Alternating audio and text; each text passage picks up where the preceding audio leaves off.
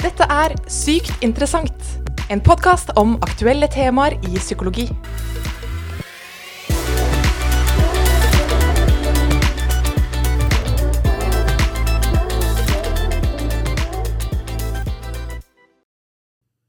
Hjertelig velkommen til en ny podkastepisode av Sykt interessant.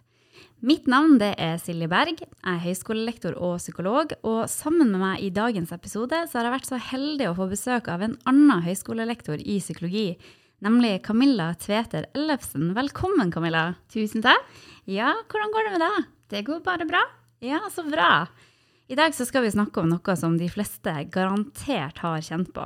Sikkert i litt varierende grad nemlig stress.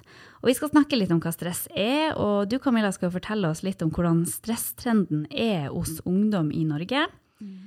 For så at jeg skal snakke litt om mine erfaringer i møte med pasienter som kjenner på mye stress. Og til slutt så håper vi på å kunne fortelle deg som lytter litt om noen strategier, sånn at du forhåpentligvis kan møte stress på en litt mer hensiktsmessig måte. Så la oss bare gå i gang med dagens episode om stress.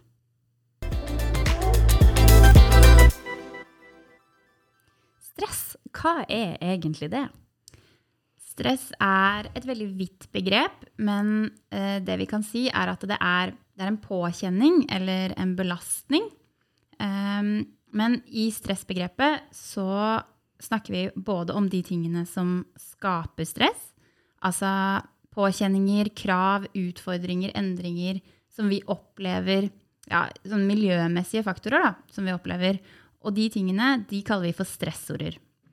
Og så i stressbegrepet så snakker vi også om det vi kaller for coping, eller eh, altså hvordan man eh, håndterer disse stressordene.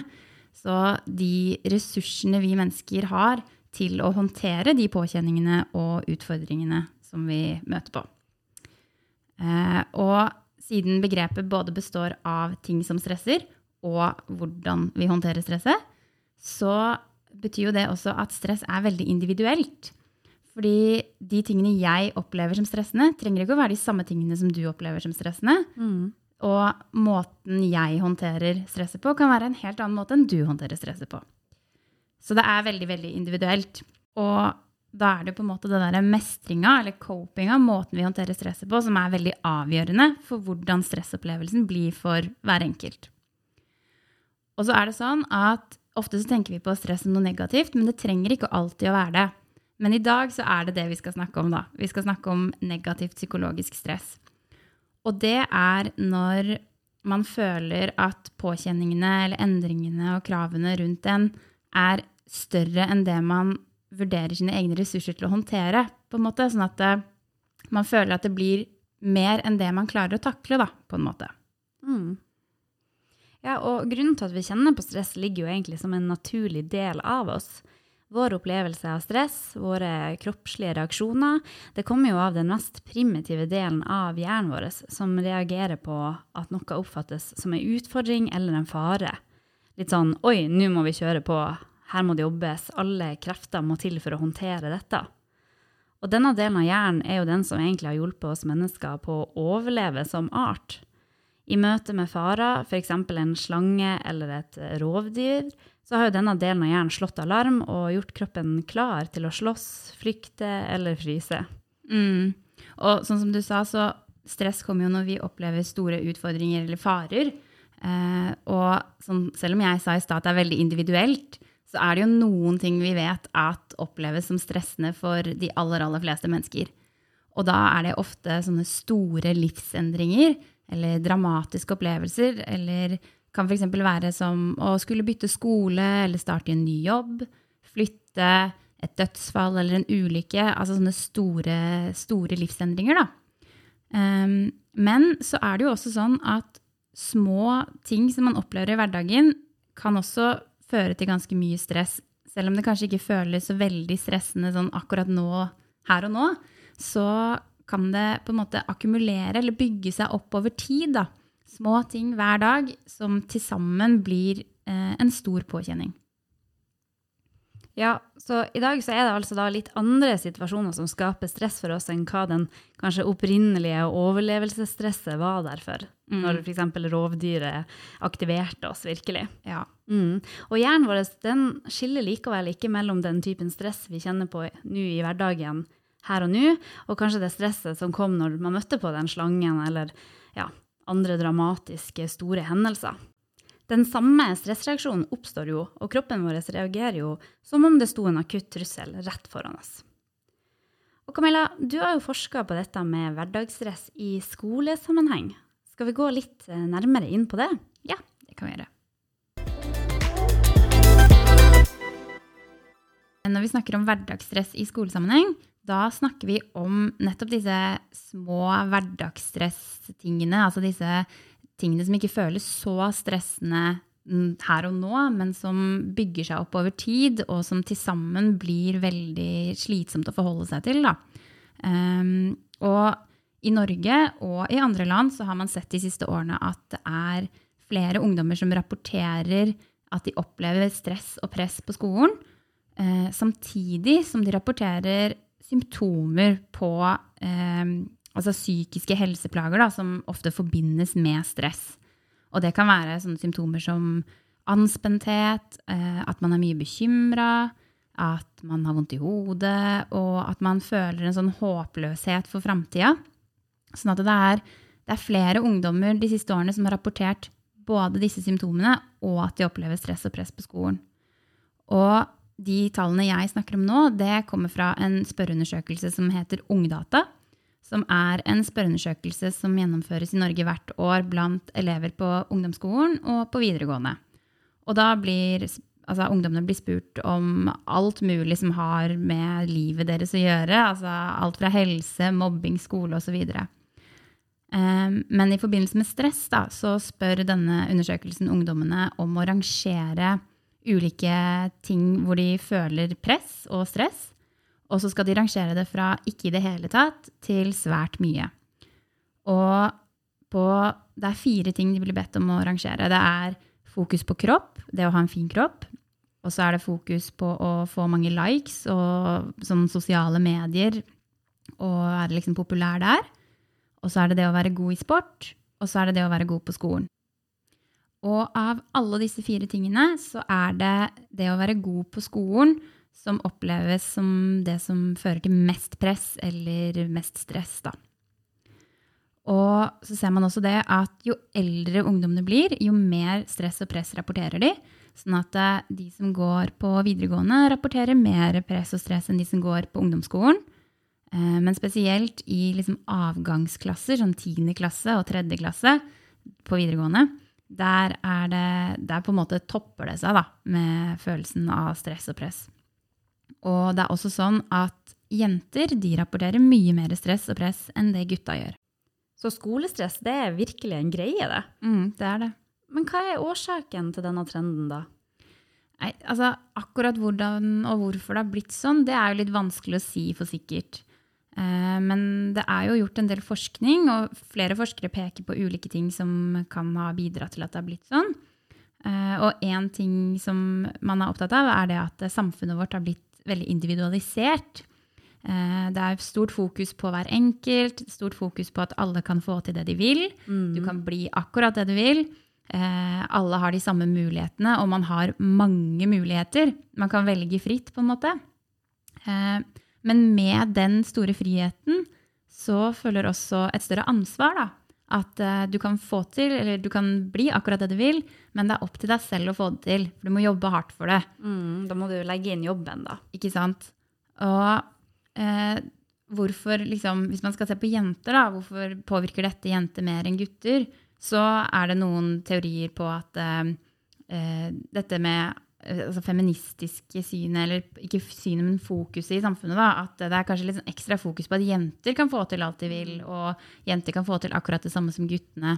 Og det er på en måte en forventning om at jenter skal få seg en karriere og eh, høyere utdanning og alt dette.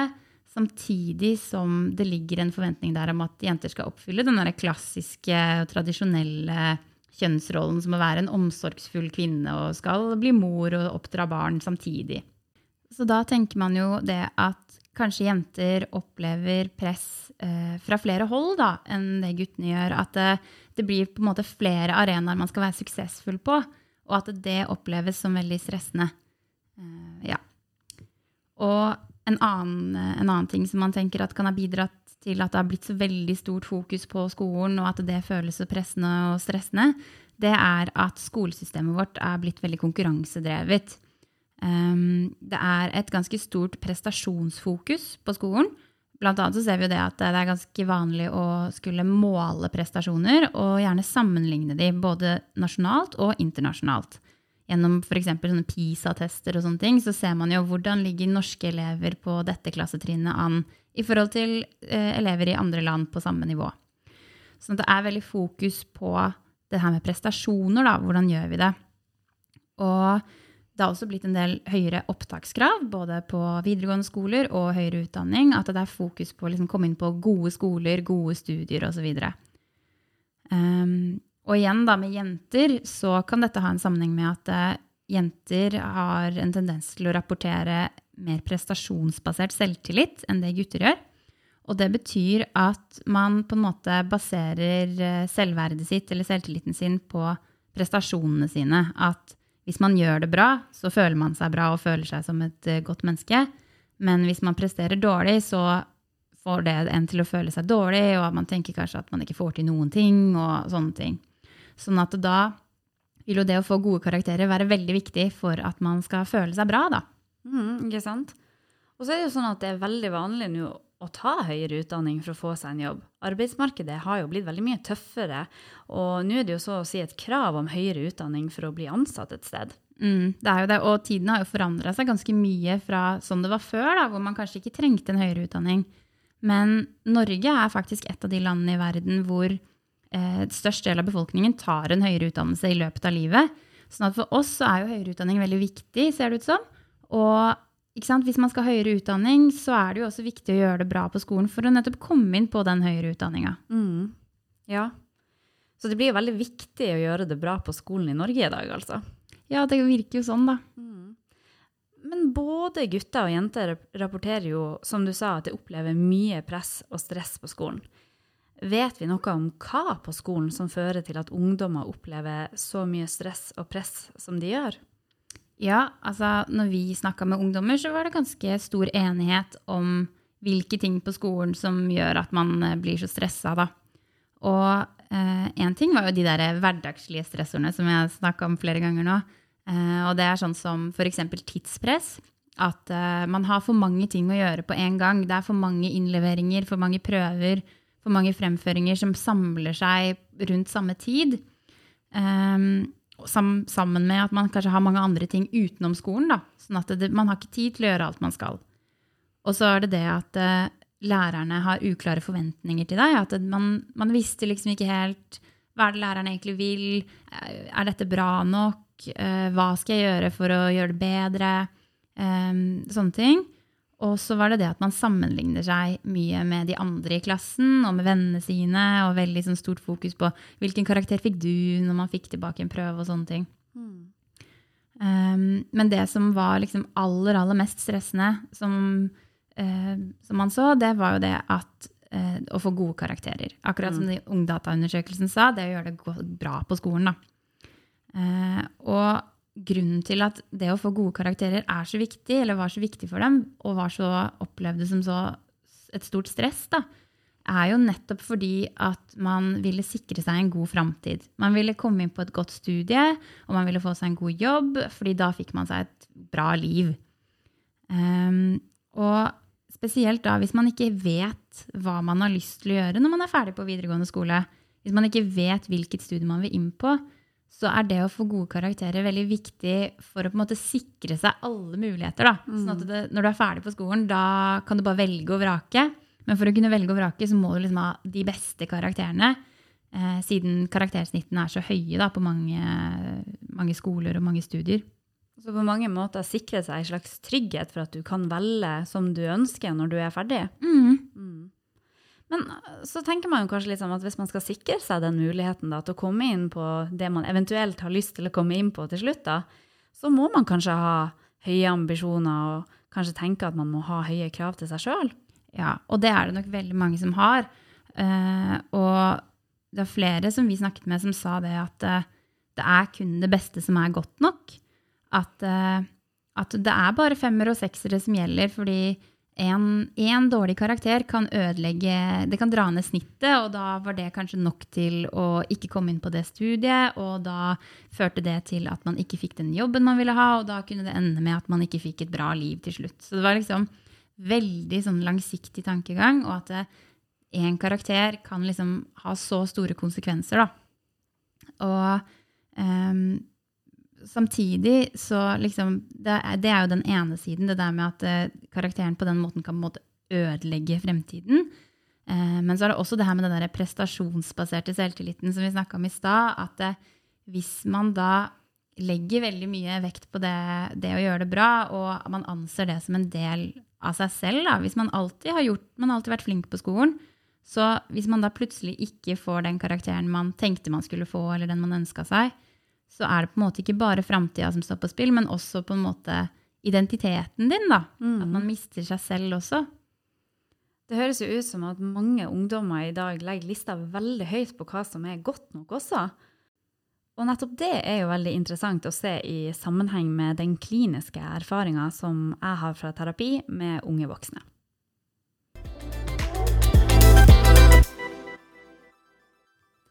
De tendensene til stress som hun Camilla trekker frem om skolehverdagen, er jo også noe vi ser mange voksne har tendenser til i det voksne livet også. I klinisk praksis så møtte jeg jo mange unge voksne som kjente på konsekvenser av stress over tid. Og det jeg så, det var jo at de som hadde kjent på stress over lengre tid, de kjente seg sliten og kunne ofte rapportere om at de hadde et redusert immunforsvar, de kjente på smerter i kroppen, hodepine osv. Betyr det da at stress rett og slett har ført til at man føler seg syk? Ja, dersom man lever med mye stress over tid, så vil både kropp og sinn egentlig kjenne ganske mye på det. Og vi har jo selvfølgelig alle individuell stresstoleranse, som du var inne på i stad, Camilla. Så det vil jo være ulikt hvordan en mestrer stress over lengre tid. Men nettopp pga. både de fysiske og psykiske helse helseplagene som stress fører med seg, så kunne mange kjenne på at de til slutt ikke klarte mer, og at de trengte ei sykemelding eller noe for å få en pause fra stresset på jobb. Og det kan jo likevel gjøre personen stressa igjen, fordi de vet at mens de er sykemeldt, så skal de jo en dag tilbake til alle arbeidsoppgavene som venter på en mens en er borte. Mm. Så det blir en skikkelig sånn vond og ond sirkel, da. Ja, og den vonde sirkelen den kan være utfordrende for mange å komme ut av når en allerede er veldig stressa. Mm. Så Derfor er det mange som oppsøker hjelp i terapi, hvor en kan få hjelp til å ta tak i årsakene til stresset og finne strategier som kanskje er mer hensiktsmessige enn de som de kanskje har brukt til nå da, for å mestre dette stresset. Men hvordan, hvordan jobber man med stress i terapi, egentlig? Det vil jo selvfølgelig være variasjoner fra måten en arbeider med dette, fordi hver person har jo sin unike historie og unike situasjon. Men likevel så var det veldig vanlig at jeg sammen med pasienten arbeida innledningsvis med å ta stresset på alvor, fremfor kanskje å ignorere det eller fortsette som før, da. Og dette kan bl.a. innebære å gjøre pasienten bevisst på hva som gjør han eller hun stressa, og kanskje se hvordan denne utmatta reaksjonen som personen kjenner på nå, da, når den sitter i terapi, og at en reaksjon da er ganske så forståelig om en ser på hvordan stresset har fått styre på frem til nå. Mm. men det, var det da mange av pasientene som på en måte innså selv eller var enig i at man var stressa? Det var også ganske varierende fra pasient til pasient. Men jeg møtte mange pasienter som var sliten og nedfor og ikke følte seg som seg selv lenger, uten at de nødvendigvis så det som en følge av stress. Og det er jo absolutt ikke sånn at det alltid er stress som er årsaken til at man kjenner seg sånn nedfor og sliten. Men i de tilfellene der det var stress som forårsaka dette, så syntes pasienten ofte det var fint at jeg visste dem den såkalte stressbøtta for å få litt oversikt. Hva er stressbøtta? ja, Stressbøtta det er en metafor som jeg ofte brukte for å illustrere hvordan stresset over tid til slutt kan gjøre at det rett og slett renner over. at kroppen til slutt sier stopp. Og det jeg ofte gjør, det er at jeg tegner opp ei bøtte for pasienten. Nå blir jeg jo da bare å forklare det for dere, men jeg, jeg håper at det er litt forståelig. Så jeg tegner eh, ei bøtte framfor pasienten, og over bøtta så tegner jeg så inn flere kraner som spyler vann ut i bøtta.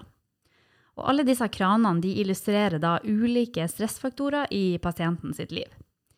En kran kan f.eks. være utløst eh, av en konflikt som man har med en venn. Ei anna kran kan være at man har en sjef som hele tida maser. Og så kan kanskje ei anna kran være at pasienten har en veldig høy standard for arbeidet sitt og tenker at alt den skal levere til sjefen, det skal alltid være 100 Og når alle disse kranene spyler ned i bøtta, gjerne med litt sånn godt trykk, så vil jo da bøtta til slutt renne over. Og dette bildet her gir gjerne pasienten en forståelse av at det ikke trenger å være kun én stressende ting alene som skaper ubehaget som pasienten kjenner på, men at det er de her totale stressfaktorene som til slutt blir for mye. Mm. Men hva, hva, sier pasienter når de får liksom en sånn forklaring som det der? Mange uttrykker faktisk en ganske sånn stor lettelse. Fordi de kjenner endelig på en sånn forståelse på hvorfor de kjenner seg sliten. Mange har kanskje tidligere kjent på et sånt stort nederlag av å ikke holde ut den jobbhverdagen man har da. Men når de ser helheten av kanskje alle de stressfaktorene de har i livet, og hvordan det totalt gjør at bøtta renner over, så er det kanskje lettere for mange å akseptere at de kjenner at de er sliten. Mm. Men da, når man på en måte har fått et bilde og skjønt at ok, nå har bøtta rent over, Eh, hvordan går man videre derfra? Jo, det vil jo òg igjen være litt ulikt fra person til person. Men en ting jeg bruker å bygge videre på etter at vi har kartlagt alle disse stressfaktorene, det er å prøve å kartlegge hva som kan redusere stresset eller vannet i bøtta. da. Mm. En ting det er jo arbeidet med de her kranene som er der i utgangspunktet, og som spyler ned vann i bøtta. Kanskje vi må forsøke å finne ut av den konflikten med den venninna, og kanskje vi må jobbe med pasienten sine høye og ofte veldig urealistiske krav til seg sjøl. Rett og slett spørre seg sjøl er det lov til å gjøre 80% innimellom, for er 100 i det hele tatt mulig? Og da åpne for å være litt mer realistisk med hva som er mulig å få til. Og videre så bruker jeg å få pasienten til å lage seg noen tappekraner i stressbøtta. Altså kraner på bunnen av bøtta, som da har til funksjon å slippe ut noe av det vannet som er i bøtta. Mener du da at de tappekranene er på en måte avspenningsfaktorer, eller? Ja, på en måte. Hensikten med tappekranene er at pasienten skal få hjelp til å selv regulere det totale stresset, eller totale vannet, da, i bøtta. Tappekraner kan være strategier som skal slippe ut vann fra bøtta, sånn at det ikke renner over like lett.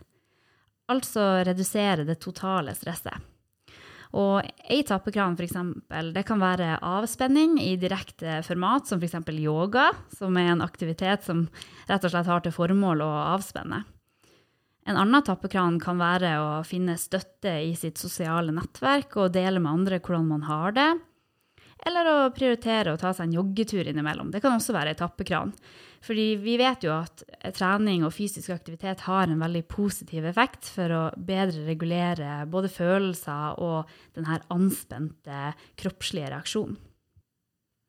Ok, Så i terapi så kan dere både jobbe med selve stresset, altså de her kranene som spyler ut vann, men også andre faktorer som kan være med på å redusere stresset via tappekranene. Ja, og sammen i terapi så kan da pasienten og jeg jobbe med den totale stressbelastninga, og også fokusere på hvordan stresset i sin helhet påvirker pasienten, fremfor kanskje å fokusere på bare én ting alene, da. Og mange som er stressa på jobb, kan jo fort kjenne på at åh, det her er en altfor stressende jobb for meg, jeg må bytte jobb. Men at det kanskje kan være sånn lite hensiktsmessig å bare ha det her fokuset på den ene stressfaktoren. Fordi man tar jo fortsatt med seg de, kanskje de andre stressfaktorene videre i neste jobb.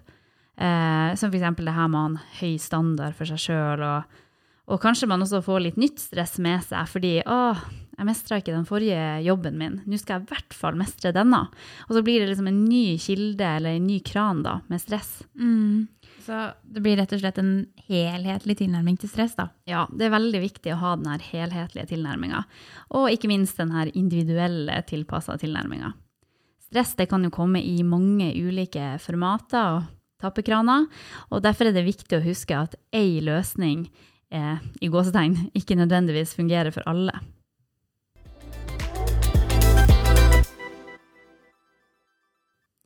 Som Camilla nevnte innledningsvis, så trenger jo altså ikke stress alltid å være noe negativt. I mange tilfeller så kan jo stress også være positivt. Det kan gi oss motivasjon til endring, signalisere behovene våre og kanskje også hjelpe oss i riktig retning. Likevel så ser vi altså at det her negative stresset det kan være belastende for oss, og målet bør derfor være å bruke positiv stress som en ressurs, og videre jobbe mot å redusere det negative stresset i livene våre. Og jeg lurer jo litt på da, Camilla, om de her ungdommene i forskninga som du snakka om, hadde noen form for stressmestrende strategier? Ja, det hadde de. Eh, blant de ungdommene vi snakka med, så var det eh, mange ulike stressmestringsstrategier som ble nevnt. Um, og en av de vanligste, det var kanskje det å distrahere seg selv. Eller det å liksom bare få en pause da, fra alt det man opplevde på skolen og uh, på fritida som føltes stressende. Og da kunne det være alt fra liksom se på TV, gå seg en tur, trene, være med venner. Bare ja, rett og slett slippe å tenke på det. Mm. Så distraksjon ble med andre ord en måte å regulere seg sjøl, høres det ut som. Mm.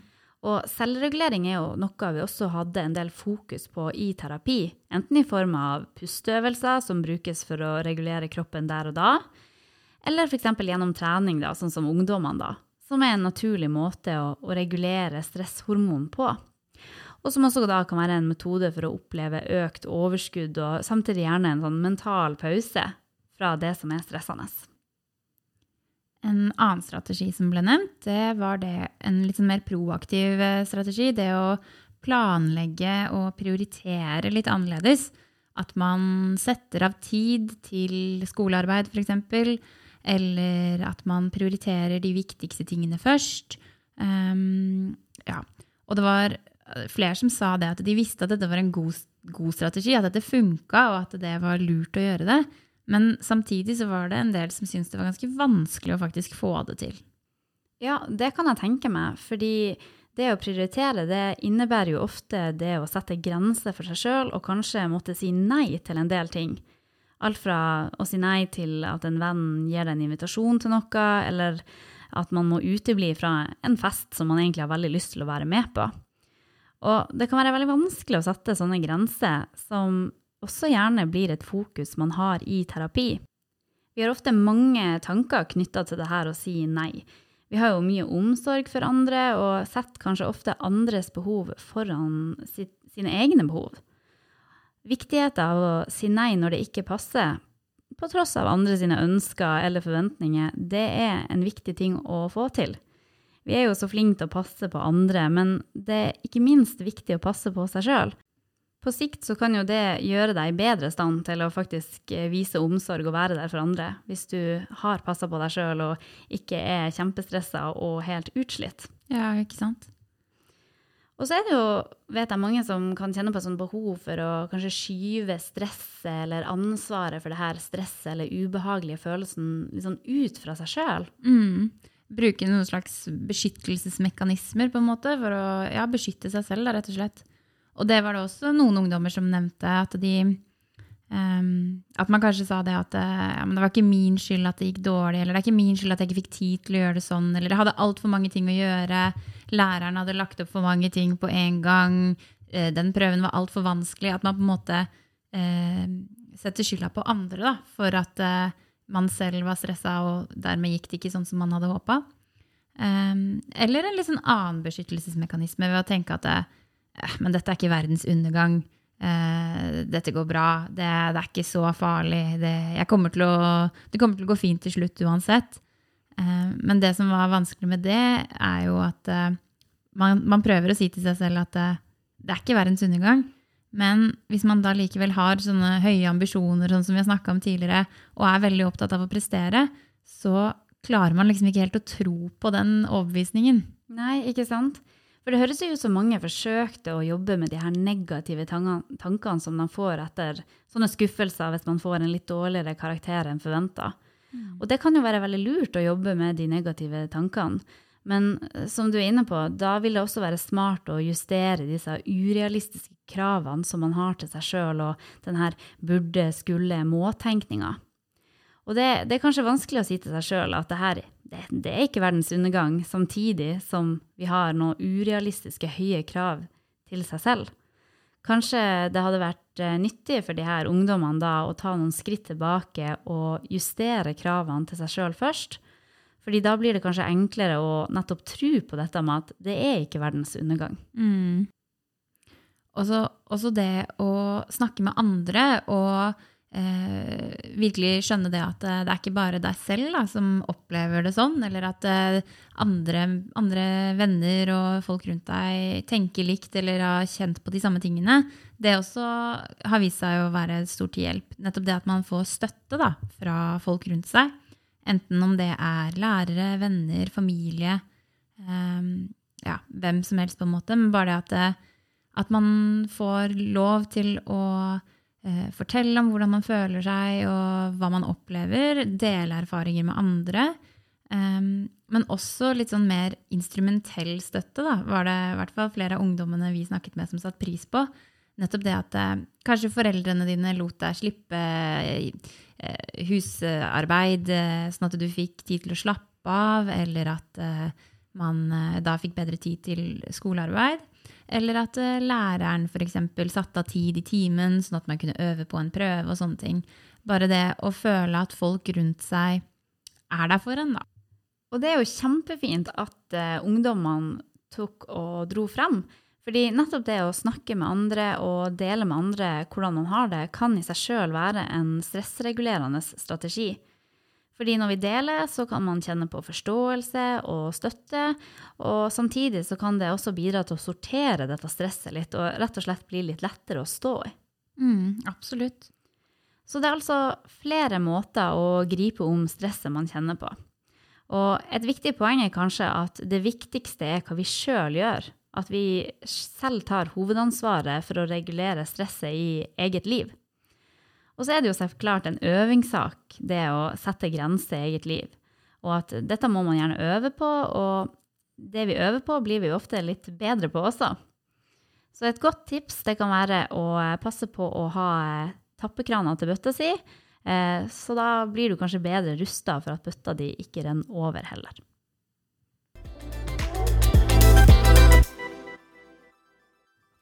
Vi nærmer oss slutten av denne episoden av Sykt interessant. Og jeg må bare si tusen takk til deg, Camilla, for at du tok deg tid til å komme litt eh, inn i studio og snakke om stress med oss. Jo, bare hyggelig. Og takk for meg. Ja, stress er jo altså i utgangspunktet noe som kan være ganske så hjelpsomt for oss. Fordi det kan være med på å gjøre oss forberedt og i stand til å takle de utfordringene vi står ovenfor. Se for deg f.eks. et jobbintervju eller en presentasjon på jobben. Hvis du ikke hadde kjent på noe stress i forkant av det, så ville du sannsynligvis heller ikke forberedt deg godt nok. Hvis stressnivået derimot er for høyt, så kan du derimot føle deg ganske så overvelda og i mindre stand til å forberede deg. Og da blir det rett og slett for mye. Ja. Og selv om stress er veldig normalt, så bør vi jo være obs på de tendensene vi ser i samfunnet, både når det gjelder skoleelever og voksne i arbeidslivet, altså, altså egentlig alle aldersgrupper. Mm, helt enig. Så håper dere lyttere syns at dette var nyttig å lære litt mer om stress, og ikke minst at dere tar med dere noen nye tanker om hvordan stress er, både på godt og vondt, og kanskje hva dere kan gjøre når eh, livet byr på litt vel mye stress. Dere har nå lytta til meg, Silje Berg, og gjest Camilla Tveter Ellefsen. Takk for oss, og ha ei fin og forhåpentligvis litt mindre stressende uke. Ha det! Ha det.